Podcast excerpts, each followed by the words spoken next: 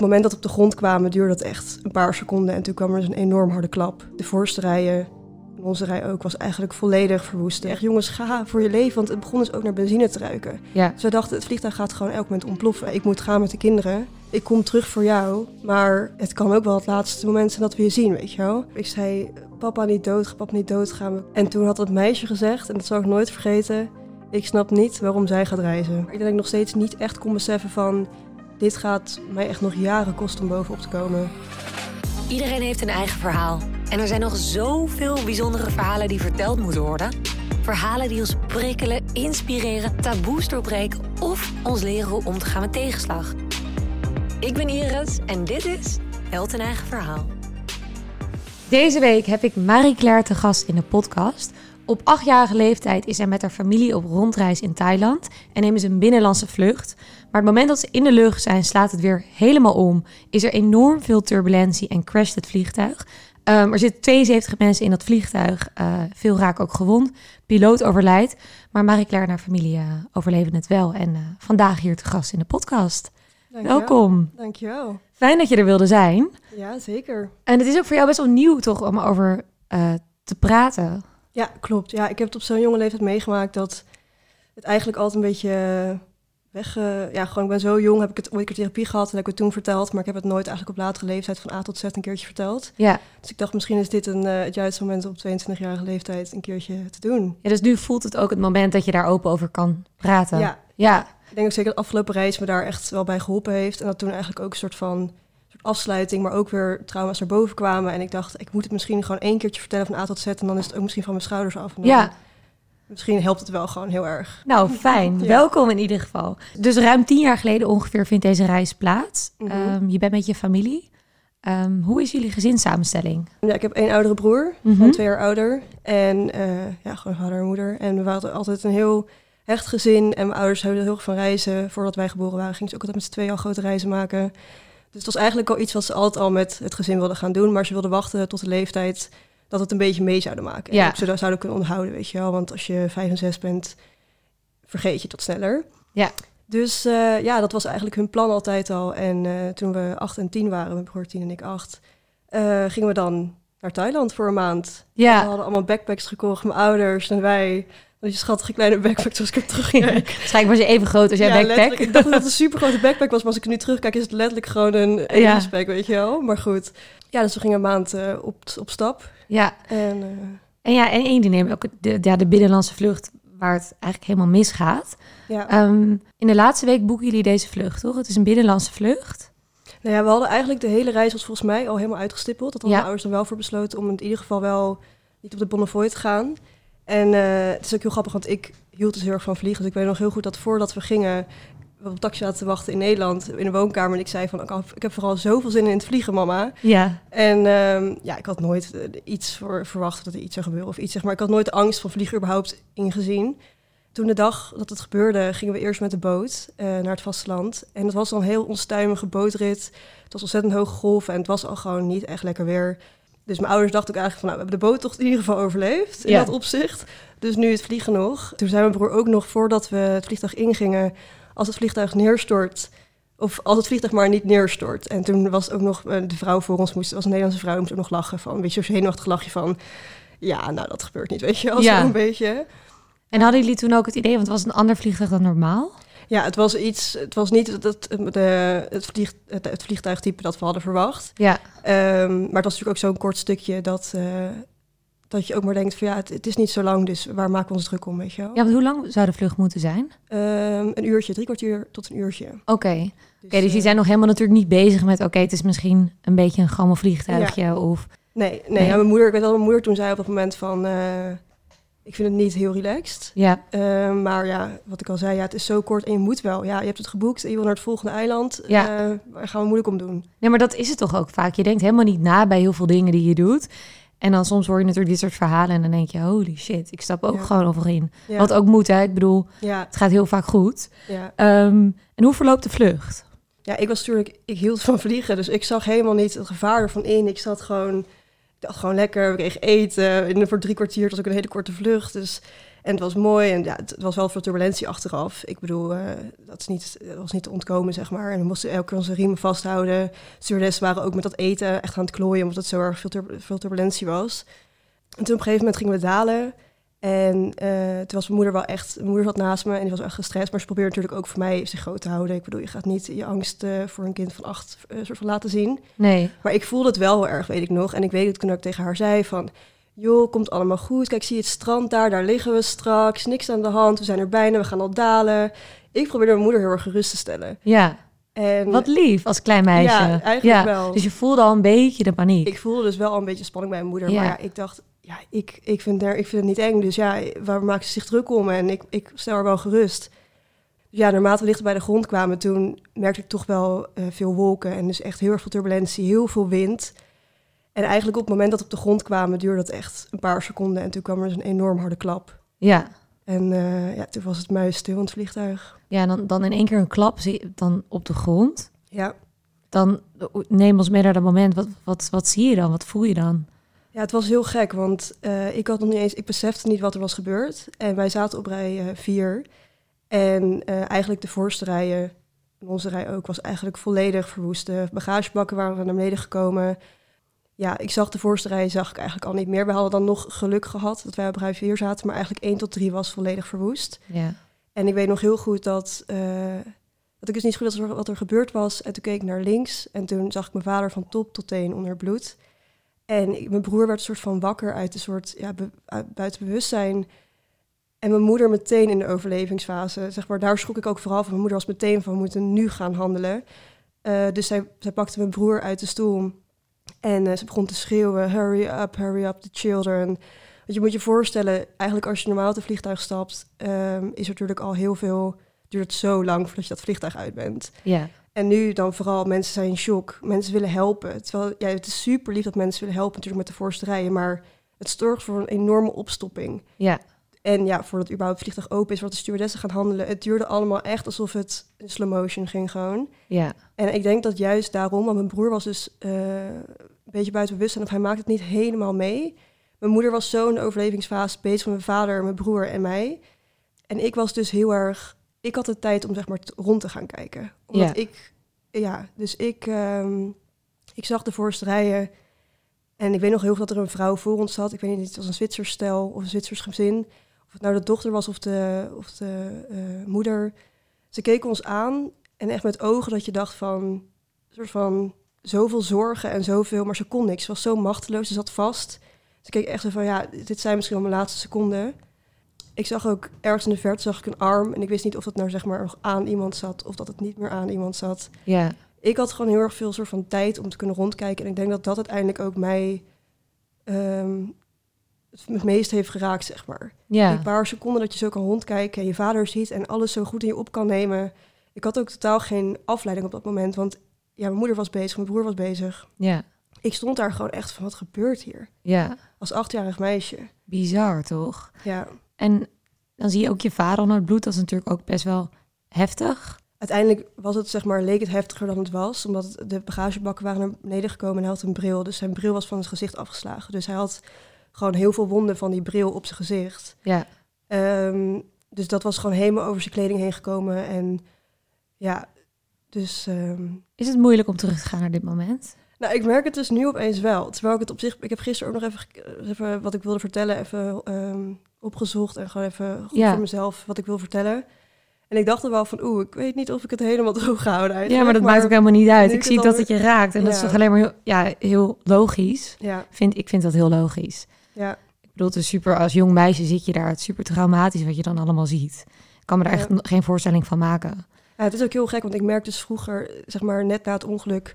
krijg je heel veel therapie en dan raak je er een soort van uit. Een soort van, dan komen de beelden niet meer zo vaak terug. Maar ik heb dus juist heel erg na afgelopen reis... en hoe ouder je wordt, dat je het veel bewuster gaat Ja. meemaken... en eigenlijk pas gaat inzien van...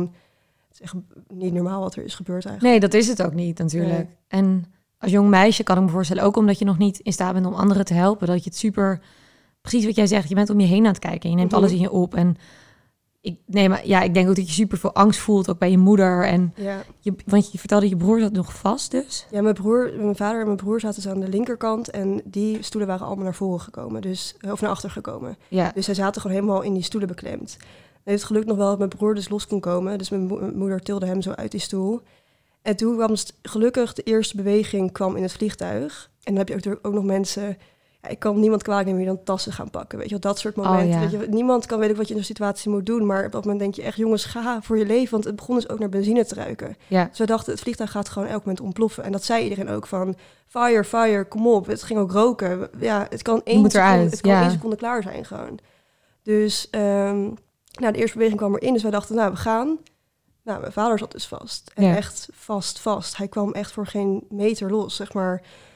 Dus toen zei mijn moeder, heeft beslissing genomen van... nou, ik moet gaan met de kinderen. Ehm, ik kom terug voor jou, maar het kan ook wel het laatste moment zijn dat we je zien, weet je wel. ja. Dus ik heb daar ook een soort van ter plekke afscheid moeten nemen van mijn vader. Maar ook achteraf denk ik, op dat moment heb je het ook allemaal niet zo door. Dan denk je gewoon, wij gaan. Mijn vader zie ik echt nog wel terug. Maar achteraf denk ik ook van, dat is zo'n bizar moment geweest. En een heel heftig moment eigenlijk van de hele, misschien wel het heftigste moment van de hele, het hele ongeluk. ja. Wat zeg je dan tegen je vader? Of, Ik was gewoon helemaal op de, ik zei, papa niet dood, papa niet doodgaan. We, we zie, ik zie je zo of zo. Ik, zie, ik, ik kon echt ook niks meer. Ik was echt een soort van in shock. Een soort van, ik kon niet meer praten ook. nee. Dus uiteindelijk gingen wij eh, naar achter in het vliegtuig. We zagen ook nog een stewardess huilen. Eh, dat je ook echt, ja, dan denk je een professionele baan, kom op, jij moet ons helpen. Maar je zag ook dat zij zo, zeg maar, zo in shock was gewoon wat er was gebeurd. Ja, En ehm, toen stonden de brandweermannen ons op te wachten. Maar je moet je voorstellen dat meestal ga je vliegtuig uit met een soort, eh, ja, met een soort sleur, eh, sleur? ja, Een, z- eh, ja zo'n ding aan- ja, wat eraan zit. ja. Ja. En nu was dat natuurlijk niet, dus we moesten gaan springen. Ja. Ehm, dus het was echt drie, vier meter hoog. En dan ging een brandweerman ging dan opvangen. Nou ja, dat was ook wel bizar. En toen, eh, net voordat we dus eruit sprongen, hoorden we achter ons zeggen... mijn vader, ik ben los, ik ben los. Oh, ik moet Dus er bijna dat- ook van huilen. ik Ja, vind het Dus zo dat was echt... mooi. Ja, dus dat was echt het moment dat we dachten... oké, we gaan hier uitkomen, dit komt goed. Ja, Dus we gingen rennen over de landingsbaan, eh, zo ver mogelijk. In de regen en wind. Toen zagen we eigenlijk pas wat voor slecht weer het was. eh, was. Op een gegeven moment kwam mijn vader ook aangerend. Maar hij had dus echt een vleeswond van tot zijn bot gewoon. Het was, het lag helemaal open gewoon. ja, doordat hij zich uit die stoel hij waarschijnlijk heeft echt heeft een soort oerkracht gevoeld waarschijnlijk om zichzelf los te krijgen. En Ja. ehm, zichzelf gewoon helemaal open gehaald. Maar ja, ik denk inderdaad dat je het op dat moment... Hij voelde het ook gewoon niet. Hij had gewoon geen idee. Hij dacht gewoon, oké, ik ben los, ik ga. Ja, En hij- adrenaline. adrenaline en hij rent gewoon. Hij is ook, hij is ook dat vliegtuig uitgesprongen. Moet je voorstellen, drie tot vier meter gewoon. Met Ja. zo'n kniewond. Echt, ik kan me bijna niet voorstellen. Ehm, dus op een gegeven moment kwam op die landingsbaan. Ja, rennen voor, gewoon zo ver mogelijk van het vliegtuig. Want het kan nog steeds ontploffen en dan kan je nog steeds geraakt worden. Ja, Toen gingen we liggen daar. En want mijn vader kon niet meer rennen. nee. Toen was het eigenlijk alleen maar wachten. En zeggen niet dood gaan, papa niet dood. Want dacht hij gaat gewoon, hij gaat gewoon doodbloeden, ja. Ja, was er ook hulp ter plekke dan al voor hem? En Eh, nou, we kwamen dus natuurlijk, ja, ik kan me dat niet heel goed herinneren, maar voor mijn gevoel duurde het allemaal, uiteindelijk ging met een soort karretje waar meestal naar het vliegtuig wordt gebracht, ja, naar de eh, vertrekhal gebracht. En daar werd dan iedereen een soort van, eh, ja, een soort van neergele neergelegd als je gewond was, of dan neergezet als je gewoon, om iedereen een beetje bij elkaar te houden en iedereen een beetje eh, hulp te bieden. Maar voor mijn gevoel waren er niet heel veel, eh, heel, heel veel mensen daar nog. had je op dat moment al een besef van wat er was gebeurd? Ik denk het eigenlijk, ge- eigenlijk nog steeds niet. Want wij kregen ook op dat moment, toen wij dus lagen nog op die landingsbaan, ehm, een jongetje toegewezen. Die dus in rij 1 tot 3 zat. En Ja. zijn ouders zaten vast, die konden niet meer vinden. Dus of wij of voor hem zouden zorgen, natuurlijk nog een extra last voor mijn moeder. Ja, Want die had al echt mijn vader en ons twee. ja, Ehm, maar dat was ook zo'n bizarre situatie. Want dat had, ook, dat had ik ook kunnen zijn. Ik Ja. had er ook alleen kunnen st- staan en kunnen niet weten waar mijn ouders waren. En dus... ehm, dus- want rij 1 tot, tot, tot 3 eigenlijk zaten nog helemaal vast. Ja. Ja, Die, eh, die zijn ook volgens mij nooit zelf eruit gekomen. Eh, die hebben ze dan met een eh brancard of zo eruit moeten Ja. wegen. Ook botbreuk en alles en zo. Zo heftig. Is, is er daarna eh, vlam in het vliegtuig gekomen? Nee, dus niet. Oké, Gelukkig gelukkig. dus niet. Ja, Ehm, maar ja, op zo'n moment weet je het allemaal niet. nee, je wil gewoon weg van, van de gewoon- plek. ja. ja. tuurlijk. Dus uiteindelijk ehm, kwamen dus de eerste ambulances. En mijn vader lag dus eh, nog in dat karretje, want die kon eigenlijk niet meer echt lopen. En wij waren dan met z'n drieën met dat jongetje erbij, bij een soort van in de vertrekhal neergezet. Mijn moeder was elke keer aan het rennen van mijn vader naar ons, van Ja. gaat het nog, dit en dat. Toen kwam de ambulance dus. Toen moest dat jongetje erachter laten. Want ja, als we hem mee zouden nemen, dan eh, voelde ook een beetje als een soort van als ons kindje heel even op dat moment. Was zo van ja, oké, heel veel succes. Wij gaan nu met de ambulance mee naar het ziekenhuis. Ja. Echt ontzettend veel. Ja, Maar hij moest natuurlijk op zijn ouders wachten. ja. Ja.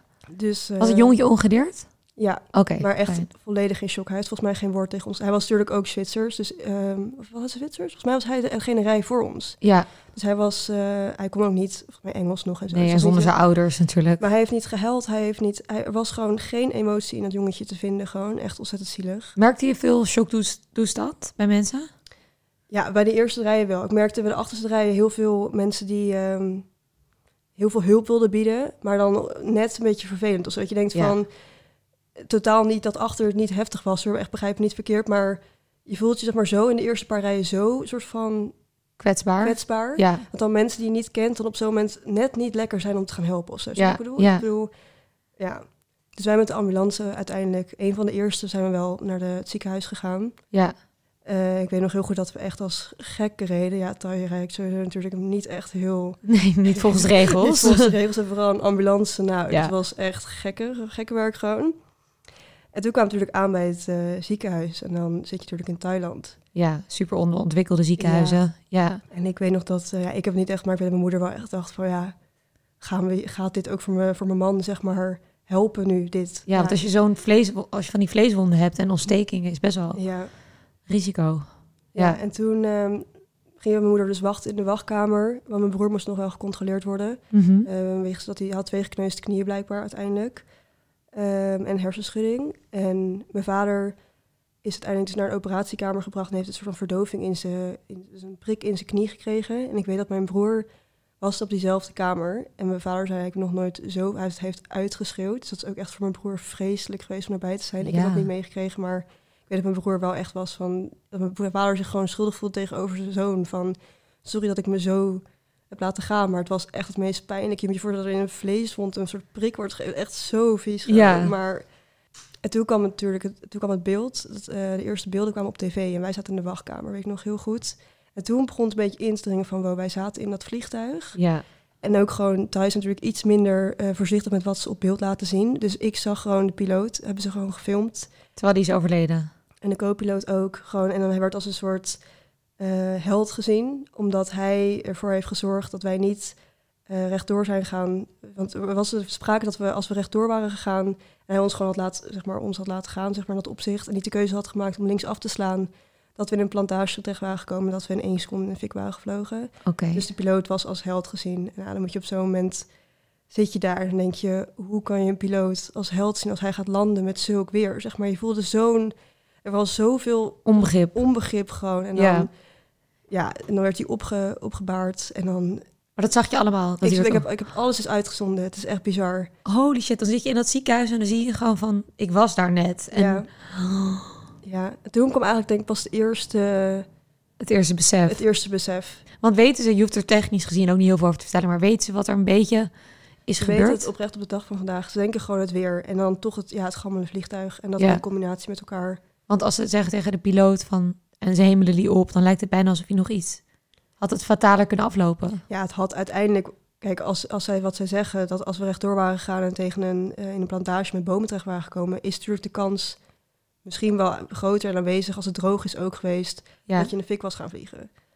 Maar ja, ik vind het... eh, het lijkt me toch dat je getraind wordt... Ja, het klinkt heel lullig, maar er wordt getraind als piloot... dat je weet wat het weer is. En als het niet gaat, dan eh, maak je een doorstart... of dan ga je sowieso niet landen. ja neem je dat nog een beetje, voel, voel je daar een beetje iets, dat je dat kwalijk neemt? Nou ja, ik neem het niet kwalijk... maar ik vind gewoon het woord held... kan ik niet...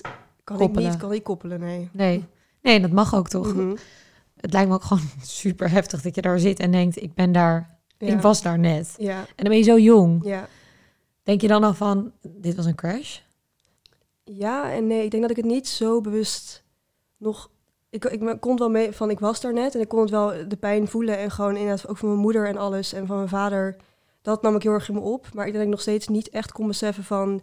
Dit gaat mij echt nog jaren kosten om bovenop te komen. Ja. En je moeder zat wel echt in een, echt een bizar overlevingsstand, Ja, toch? ja. En dat is ook echt... Ik, ja, ik vind het ontzettend dapper van en heel erg stoer van haar dat ze dat zo heeft gedaan. Ja. En ik denk dat dat eh, uiteindelijk ook wel opgebroken heeft. Aan Ja, het eind. ja. Want zij zat toen ook nog in die overlevingsstand. Hoe heeft zij dat ervaren? Nou ja, vervolgens kwamen we dus dagenlang dat, we, dat wij uiteindelijk naar een resort werden gebracht. We zijn wel echt supergoed opgevangen. We werden naar een mooi resort gebracht waar we dan konden blijven totdat mijn vader uit het ziekenhuis kon.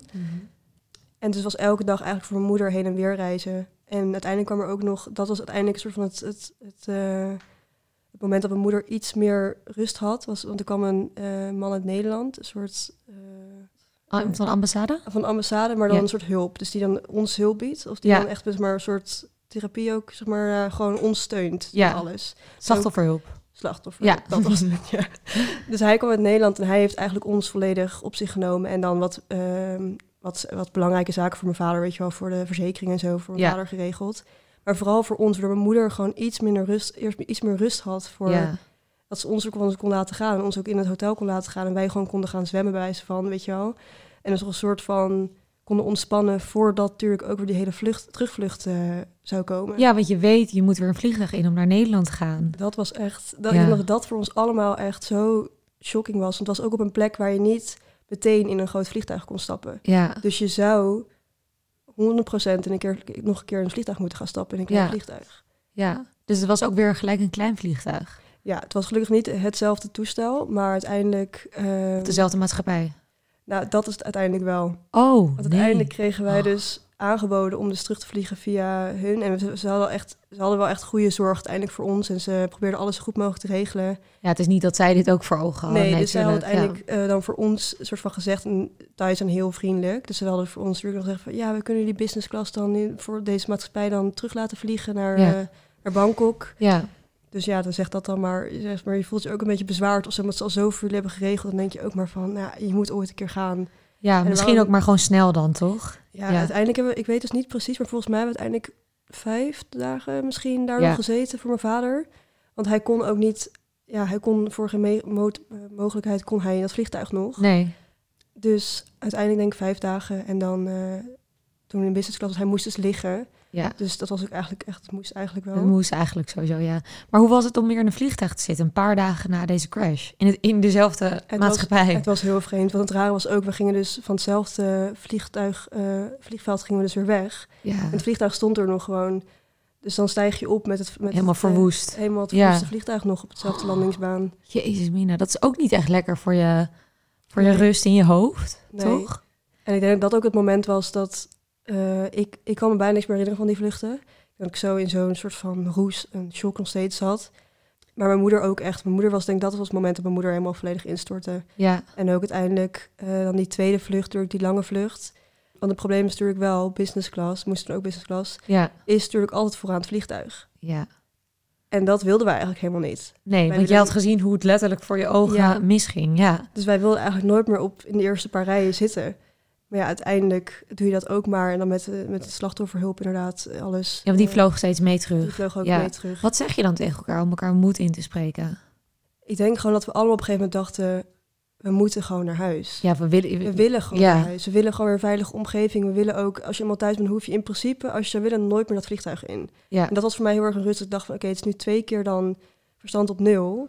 ja. En maar gaan. En dan... eh, En ik kan me ook voorstellen voor je vader dat je gewoon naar een goed ziekenhuis wilt, Ja. natuurlijk. Dat je Ja. denkt, wegwezen hier. ja, En die lange vlucht, hoe kan je dan nog tot rust komen? Of, de- of is er gewoon... mijn moeder heeft wel slaappillen genomen. Mhm. Eh, ik heb dat volgens mij toen misschien een half of zo, maar ik wil het ook niet. Ik weet nog dat ik dat ook niet zo graag wilde.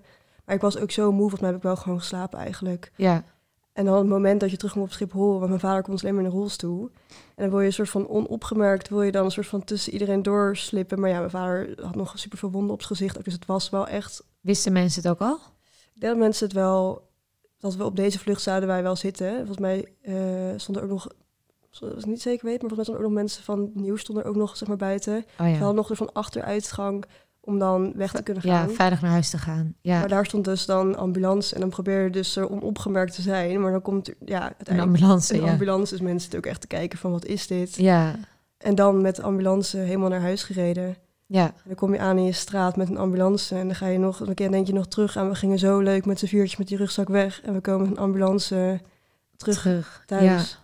Dan is het leven opeens ook zo kwetsbaar, toch? Als je Ja. daarover nadenkt. Ja. Voor jou als jong meisje ook. Jij gaat daarna naar school en je, je leeftijdsgenootje heeft waarschijnlijk echt geen idee. Nee.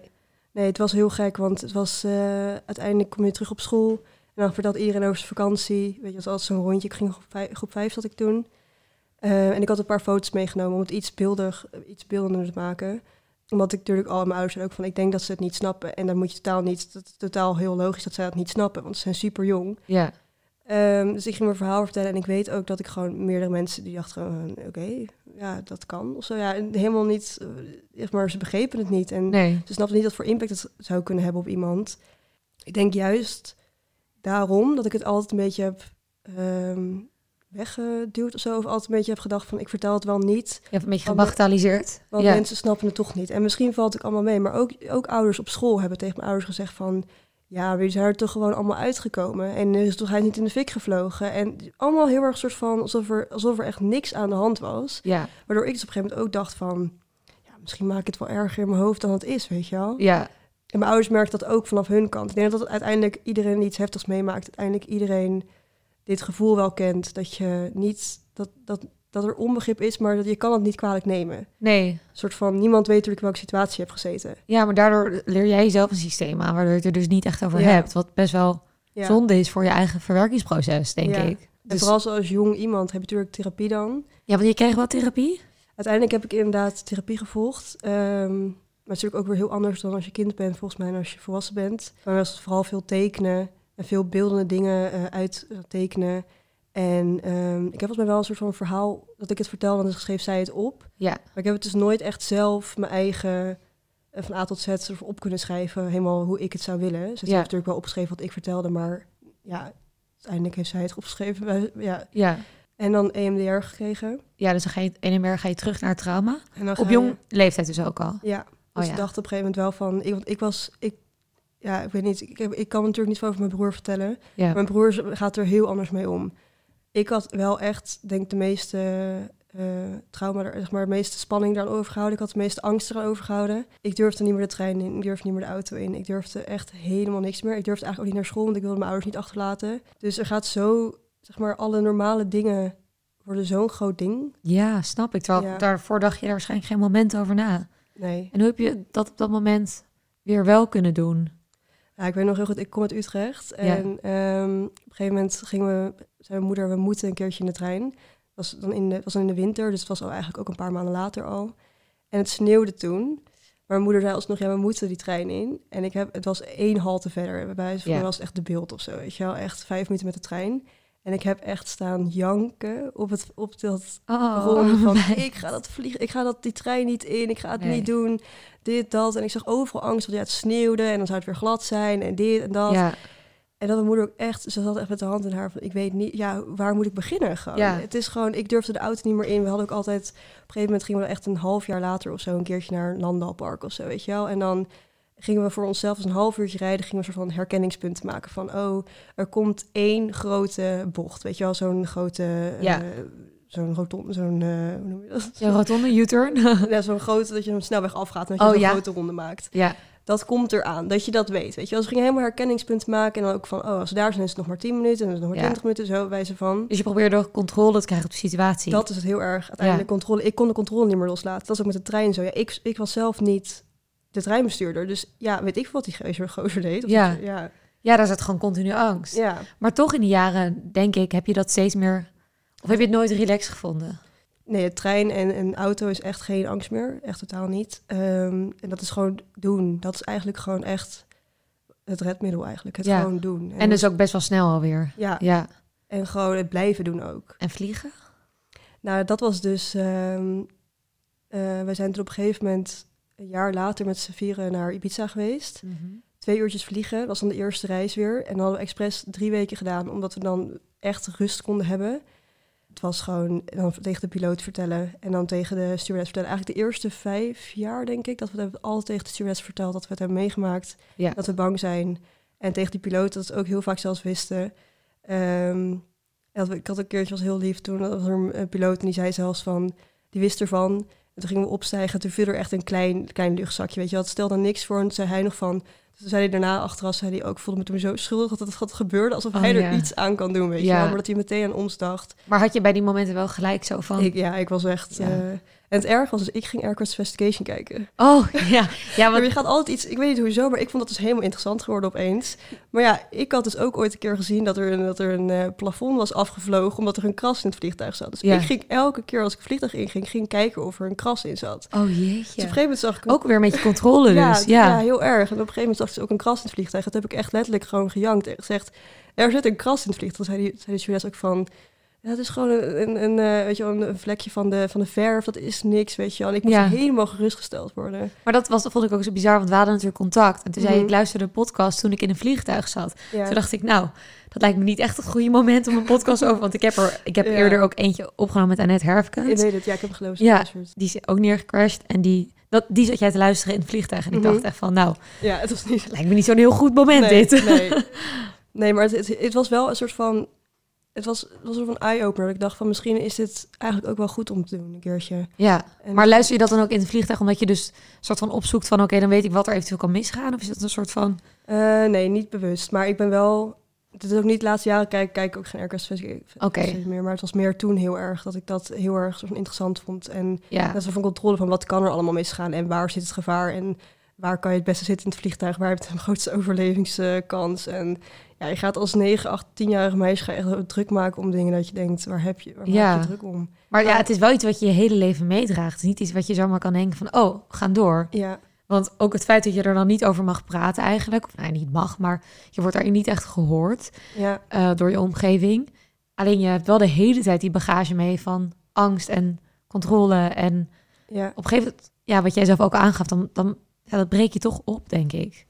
Ja, het heeft me dus eigenlijk nooit ehm, echt opgebroken tot afgelopen reis dus. Maar ik hoor het mezelf ook altijd zeggen. Als ik, als ik het verhaal vertel, want ik heb bijvoorbeeld hier ook een tatoeage gezet toen Mhm. ik eh, 16 was. En er staat dan fate, het lot, zeg maar, van dat het gebeurt is. Misschien is het ook wel het lot dat het gebeurd is. Ik denk altijd maar van, misschien gebeurt het ook om een reden of zo. Zo ben ik Ja. ook een beetje gaan denken.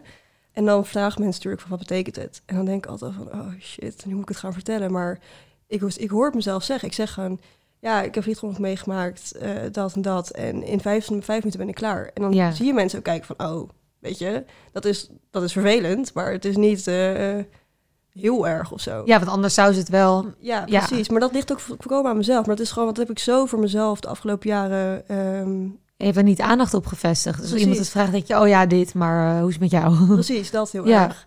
Tot afgelopen reis dus. Toen, ehm, toen ik in de Filipijnen was, was het, kon je alleen maar vliegen met hetzelfde soort type vliegtuig. En eh, ik ging met twee vriendjes reizen. En ik dacht dat ik het ook aan hun had verteld. Maar dus blijkbaar helemaal niet. Dus ik had al gezegd van... Hé, hey, ja, ik vind het wel een beetje relaxed eh, om dit te doen. Maar weet je, ik ga jullie ook niet tot... Weer, ik ga jullie niet tot last zijn. Weet je, ik doe het wel gewoon. Ja, Eh, terwijl het de eerste keer was dat ik weer met hetzelfde type ging vliegen. En ik vond het echt doodeng. ja. Maar ja, dan, dan eh, hoor ik het mezelf ook weer zeggen. in een vijf minuten verhaal. En dan zeggen ze ook van, oké, nou, dan ga je mee, weet je wel. Ja, Ja, ze hebben geen Ze idee hebben geen natuurlijk. idee. Ja. tot op een gegeven moment het moment was dat ik dus een paar keer met het vliegtuig zat gevlogen. En ik kreeg weer een beetje vertrouwen. Ik dacht, oké, nou, als ik dit kan, dan heb ik eigenlijk alles gedaan wat ik, wat, wat sindsdien... Weet je wel, nu heb ik letterlijk in hetzelfde vliegtuig gevlogen. Wat kan er nu nog misgaan? ja. Tot het moment dat op een gegeven moment we ehm, een binnenlandse vlucht zouden maken in de Filipijnen. En we in die eh, bus stonden voor het vliegtuig. En er werd ges- gespeculeerd dat het niet zou gaan omdat het weer slecht was. Ja. Maar ze wisten het nog niet zeker of die zou gaan. Dus ik dacht, nou ja, sorry, maar ik ga, ook al gaat hij nu wel, ik ga er niet meer in. Nee. Waarop ik dus een antwoord kreeg van een meisje van, oh ja, maar oké, ik ga wel sowieso. Wat ook volkomen begrijpelijk is, maar dat voelde weer zo soort van, oh ja, nou ja, oké, weet je wel, ik, ik stel me misschien aan of zo. En op een gegeven moment werd, dus, werd het dus gecanceld. En toen eh kwam een meisje tegen en zij ging, zij ging de nachtboot pakken. En eh, ik heb ook het verhaal gehoord over... eh, Els Visser. ja, Ja. en mijn moeder heeft haar ook geïnterviewd. Dus ik wist het verhaal eigenlijk al Ja. vooraf. Ik dacht, ik ga geen boot pakken. Want het is slecht weer. Ja. En dan gebeurt ook weer iets. En ik had me net soort van overheen gezet om dan die vliegtuigen te kunnen pakken. ja. Maar een boot ging dan weer, was weer even iets anders. Weet Ja, je zag gewoon heel veel gevaren overal. Ik zag opeens dus heel veel gevaren. En ik weet nog zo goed dat ik dus, dat meisje nam dat. En ehm, die vriendjes zeiden ook van, nou ja, eh, wij willen daar eigenlijk ook wel voor gaan. Want het is goed goedkoper en je weet niet of die morgen wel gaat. Eh, en toen voelde ik me opeens zo alleen dat ik dacht van, ja, shit, ik moet het eigenlijk wel doen. Want anders sta ik hier nu alleen. En wat dan? Ja. En dat ik toen echt een soort van, dat was de eerste soort van mental breakdown van die hele reis. Dat ik echt mijn ouders opgebeld. Ja, ik weet echt niet wat ik moet doen. Ik sta nu in een tweestrijd, anders ben ik hier alleen. Maar ik moet anders op een boot en dit en dat en een nachtboot en het is slecht weer blijkbaar, want het vliegtuig gaat ook niet. Wat moet ik doen? Dat ik het eindelijk dus toch heb gedaan. Eindelijk viel het dus ook heel erg mee, maar ja, ja dat weet je van tevoren niet. Zeiden die ouders toen ook van, je moet, je moet dit doen? Mijn vader zei uiteindelijk van, je kan beter maar meegaan. Hij heeft helemaal de boot uitgezocht. Het bleek best wel een grote boot te zijn, dus uiteindelijk viel het ook wel mee. Ehm, want anders ben je daar alleen en dan wordt, dan wordt het probleem opgeschoven. En Ja. misschien is het ook wel goed om het te doen. Dus uiteindelijk heb ik het gedaan. En toen de volgende ochtend... Heel knap trouwens. toen- Ja. en, en ik voelde dus echt als een soort van overwinning van... Oké, ik heb het gedaan. En toen had dat meisje gezegd, en dat zal ik nooit vergeten...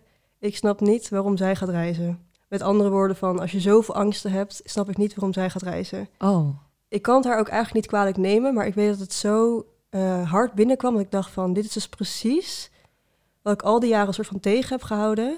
Maar ik sta hier nu verdomme wel gewoon in hetzelfde Ja. vliegtuig heb ik gevlogen. En Ja. ik ben hier aan de andere kant van de wereld alleen en ik ben in de Filipijnen en het is onderontwikkeld en ik ga in hetzelfde soort vliegtuig.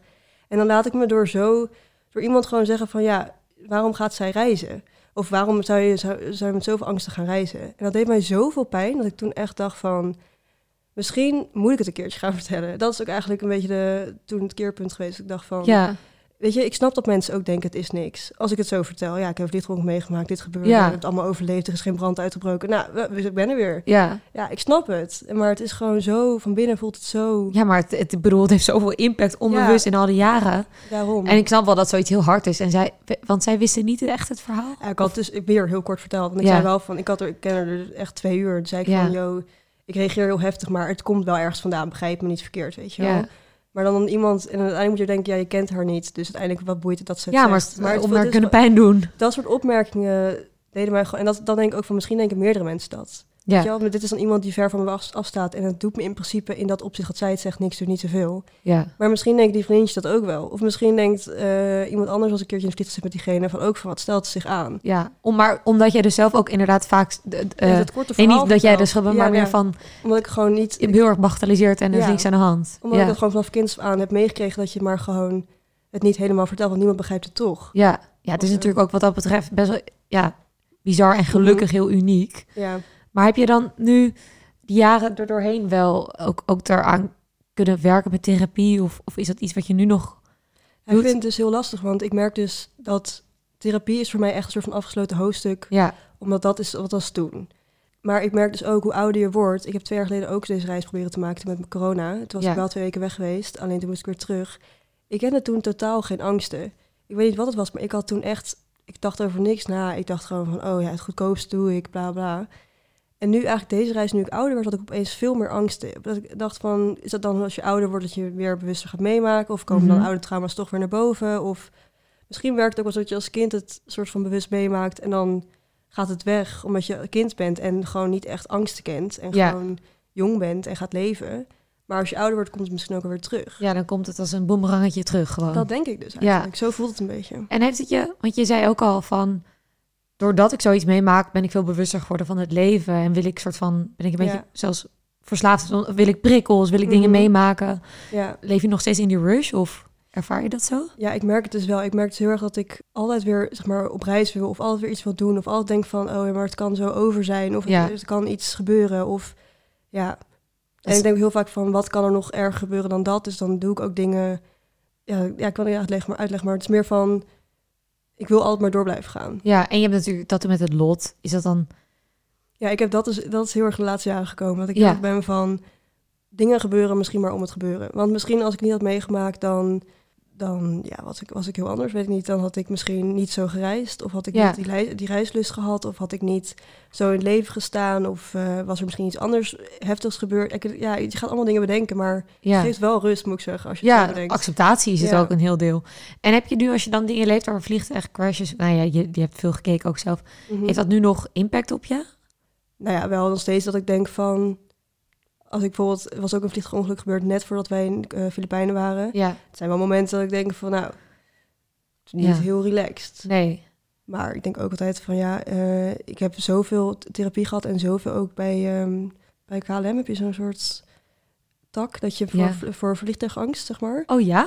Ja, heb je, en zij hebben ons toen heel erg geholpen en zij hebben ook echt verteld van, ja, de kans dat er een vliegtuig verongelukt is echt niet heel. Volgens mij is het 1 op 11 miljoen. Ja, het is echt bizar. En als je het, na, als je het afzet tegen bijvoorbeeld een dodelijk autorit, is dat volgens mij 1 op 5000 of zo. Ja. Dat is echt, dat verschil is zo... Je, je geeft eigenlijk zelf ook al aan ehm, dat de jaren dat het best wel moeilijk is ook om over te praten. En dat horen mensen misschien wel in zo'n situatie waarin je die angst had, jou het best kunnen helpen of bijstaan. Ja, daar is denk ik ook dus echt niet echt een antwoord op. Ik, ehm, want ik zou het ook heel vervelend vinden als mensen mij echt als slachtoffer zien. Ja, Weet je, ik zou ook niet willen dat iemand mij zielig vindt. Want dat is niet wat ik wil bereiken, zeg maar. Het is Nee. gewoon, ik heb het meegemaakt. En bijvoorbeeld met, maar het is ook uiteindelijk, ik heb op het dagelijks leven heb ik er totaal geen last van. nee. Het is dat het die afgelopen reis met dezelfde eh, soort vliegtuigen het weer aanwakkerde. Maar meer, meer op dat soort momenten, dat je dan misschien iets meer begrip voelt. Maar ja, Ja, dat, en dat is natuurlijk wel mooi, want kijk, eh, gelukkig hebben niet heel veel mensen dit meegemaakt, maar iedereen heeft natuurlijk wel te maken met angst en trauma's. En ik denk dat het wel een, iets heel moois is dat jij ook aangeeft van, we zijn zo gewend soms om dingen kleiner te maken, weet je wel. Ook dat je dan zegt van, oh, maar het maakt niet uit, nee, komt wel goed. Eh, ik moet het niet groter maken dan het is, maar je mag het natuurlijk zelf zo groot en klein maken als je het zelf wilt. Mhm. Dat is eigenlijk met alles het geval, denk ik, toch? ja. Dat, we, dat, dat zit heel erg in ons systeem. Om... En mensen denken heel snel als het bijvoorbeeld niet fysiek iets is wat je aan over hebt gehouden, als je geen uh, bij wijze van een letsel hebt overgehouden, Ja, maar mentaal, dan is het toch sneller van, oh, maar ik zie niet iets dat je hebt overgehouden fysiek, dus Ja. dan zal het vast wel meevallen. Ja, terwijl de beelden heb je gewoon nog zitten nog op je SD-kaart, zeg maar, in je hoofd. En de mensen die op de eerste drie rijen zaten, Mhm. die zijn er ook, hebben het wel overleefd. Die piloot inderdaad niet. Ja. Ehm, hebben die er veel letsel aan overgehouden? Volgens mij is het eindelijk wel meegevallen. Volgens mij zijn het vooral botbreuken geweest. Ja. Ja, volgens mij is dat het geweest. Heb je elkaar nog wel eens gesproken? We hebben het Zwitserse dus nog gesproken voor Oh. ons. Ja. Eh, omdat wij natuurlijk het jongetje ook hadden. We waren gewoon heel erg nieuwsgierig of dat jongetje überhaupt zijn ouders nog, weet je wel, alles. En Ja. is goed, is het nu afgelopen. Ehm, dus dat is wel heel bijzonder, maar nu de laatste jaren niet meer, maar vooral na het ongeluk. Ja, er zaten ook veel andere Nederlanders nog. Er zaten volgens mij negen Nederlanders in de ja, vlucht. klopt. Ja. En één uh, Nederlands hebben we ook nog gesproken, een Nederlands meisje.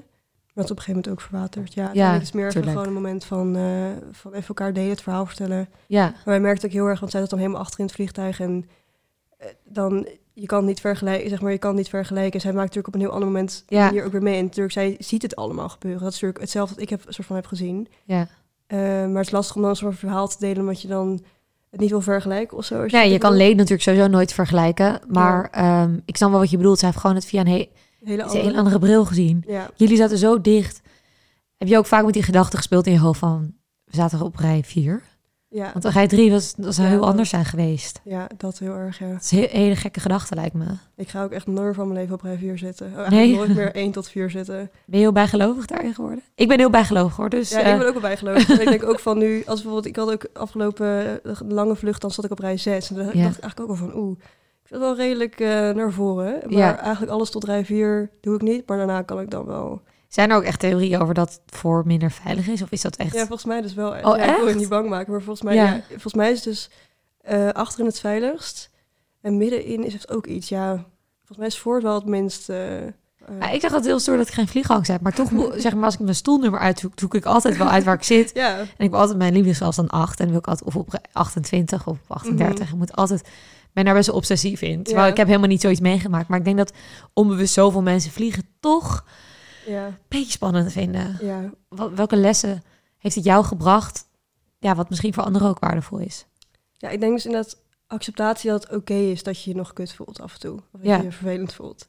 Ik bedoel, het is heel normaal om, weet je, tuurlijk tijd hield. Daar ben ik het echt volledig mee eens. Want ik merk ook, ik zit nu wel gewoon weer in de trein zonder angst en auto. En vliegtuig Ja. gaat dus ook gewoon weer. Maar het zal nooit weggaan.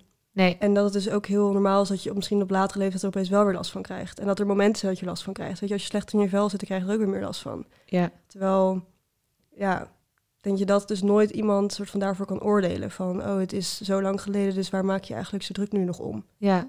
En, je, en, de, en de relatie met je familie. Hebben jullie bijvoorbeeld er veel over? Ja, we zijn wel echt een stuk hechter geworden. Op zich hebben we het er niet heel veel meer over. Het is wel altijd, maar ik denk dat heel veel mensen dat doen, altijd zeggen nog als je gaat vliegen van, dit is mijn vluchtnummer, ik zit daar en eh, Oh ja. ik ben geland, ik ga nu weg. Dat, maar ik, ik hoor dat heel veel vriendinnen dat eigenlijk ook altijd wel doen. Maar dat is wel altijd nog. En we hebben dus wel hele mooie reizen mogen maken eigenlijk daarna. Ook nog met elkaar. Ja, dus Ja. ik denk eigenlijk dat ook wel weer een soort van hechter heeft gemaakt. En de reis die we daarna hebben gemaakt, hadden we misschien niet gemaakt als we het niet hadden meegemaakt. Omdat het was nu een soort van zo speciaal. We zijn ook terug geweest naar de plek. Ben je naar, naar die plek terug geweest, specifiek? We zijn oh. eh, in 2011 teruggegaan. En eh, toen stond het vliegtuig er ook nog. oh, eh, ja, want dat heb ik gezien op internet. Ja. Dat, is, dat is een soort van monumentachtig. Ja, heel gek. Heel raar eigenlijk, hè? heel veel voorbereidingen voor geweest. We hadden een soort doosje gemaakt met eh, alle kleding die we op dat moment aan hadden. En allemaal herinneringen. En, ja, en die hebben we toen daar neergelegd bij het vliegtuig. Ja, Als een soort, ja, om een soort van rust, ja, ja. afsluiting. afsluiting Ja. inderdaad. Was het emotioneel? Het was heel gek. Ja. Het was ook omdat we brandweermannen spraken die op dat moment eh, bij waren. En ehm, ook van mijn foto's laten zien nog. En beelden die ik eigenlijk helemaal niet wil zien. Maar ja, dan op een gegeven moment zit je zo in die eh, rush dat je alles maar, eh, mijn ouders alles maar hebben bekeken. Ja, Wij hebben het niet, niet gezien. Maar het is heel gek dat je ook weer landt op hetzelfde vliegveld. ja. En dan kijk je naar rechts en dan zitten we elkaar aan te kijken en zeggen... is dat niet gewoon ons vliegtuig die nu nog veronge die verongeluk is drie jaar geleden? ja, Heel raar dat het überhaupt nog staat. ja.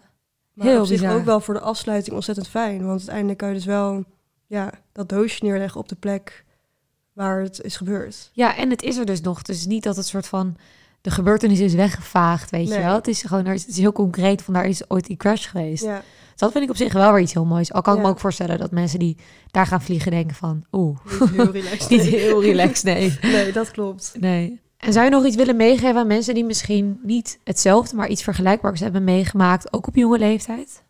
Dat ik denk dat alsnog dat je niet hoeft, niet hoeft te schamen. Dus als je je nog vervelend voelt en dat je eigenlijk altijd nog hulp kan zoeken. Ik Ja. bedoel, het is niet raar om tien jaar later nog een keer therapie voor hetzelfde te volgen, denk ik. Nee, dat denk ik ook niet. Want toen is het natuurlijk een hele andere therapie dan Ja. later, Ja, toch? dat denk ik dus ook. Nee, daar ben ik het helemaal met je eens. En ehm, ja, ik vind dat je heel mooi verteld. Dank je wel voor het delen van je verhaal. Hoe vond je het om je verhaal te delen? Ja, gek. Ik had het in het begin echt wel even moeite mee, ook merkte ik wel. Vooral in, het vliegtuig, zeg maar, dat eh, stukje. Ja, dat je moeite kwijt... Dat je... Ik zag het opeens even weer allemaal voor me. Ja. Maar het is wel, eh, ik vond het wel heel fijn om even alles te vertellen. Fijn. Ja. Nou, dat heb je heel mooi gedaan. Dank je wel voor je komst. Dankjewel. En volgende week eh, ben ik er weer. Dus check allemaal de podcast. En eh, ja, blijf kijken. Geniet van je week. Dit was hem dan, de podcast Held een eigen verhaal. Vergeet niet te volgen en laat me ook even weten wat je van het gesprek vond. Volgende week ben ik er weer. Tot dan.